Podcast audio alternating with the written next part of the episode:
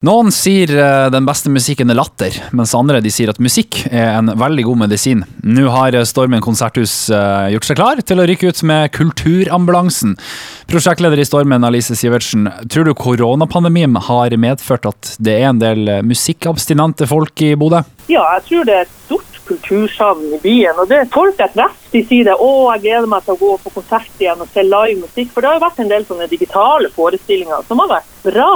men det kan ikke erstatte den live kulturopplevelsen som du får i møte med ekte uh, artister. Men hva er Kulturambulansen? Kulturambulansen det er en, en liten Vi føler at vi, vi, ønsker å sende ut litt medisin til folket. Og vi sender ut uh, musikalske allmennleger som skal rundt og spre litt glede og, og lykke til folket, rett og slett. Og så har vi, har vi musikere som er klare til å sette seg i ambulansen og rykke ut til folk som trenger det. Ja, og Hvordan type musikk eh, er det som fremføres av Kulturambulansen? Nei, det, det, er alt mulig. Og, og Vokalat de har jo en produksjon der du kan ønske det.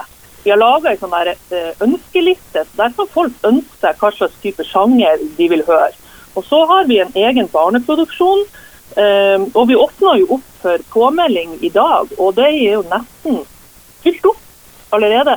Hvem er det som kan bestille, bestille Kulturambulansen? Når det gjelder barneproduksjonene, for dette er jo på dagtid, så er det, så er det eh, barnehager og skoler.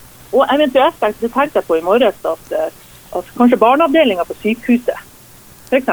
Mens voksenprodukt, altså de som vi har lagd for det mer voksne segmentet, så er det jo hvis man har en kompis som fyller 50 f.eks. og ønsker å sende ut, er det en bedrift som som ønsker å gi litt ekstra til eh, de som jobber.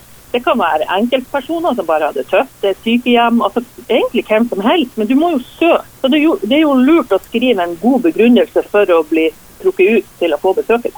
Hvis man har lyst til å, til å få besøk, eh, hva gjør man da? Hvordan søker man? Da skriver man en mail til meg, og, og all info ligger på hjemmesida vår. Og det blir også lagt ut på Facebook, og det blir lagt ut uh, Vi reklamerer godt for det.